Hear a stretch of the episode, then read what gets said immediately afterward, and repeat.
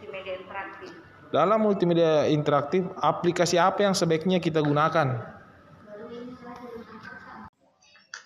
Aplikasi yang bisa digunakan untuk desain multimedia interaktif yaitu uh, Adobe Premiere dan PowerPoint.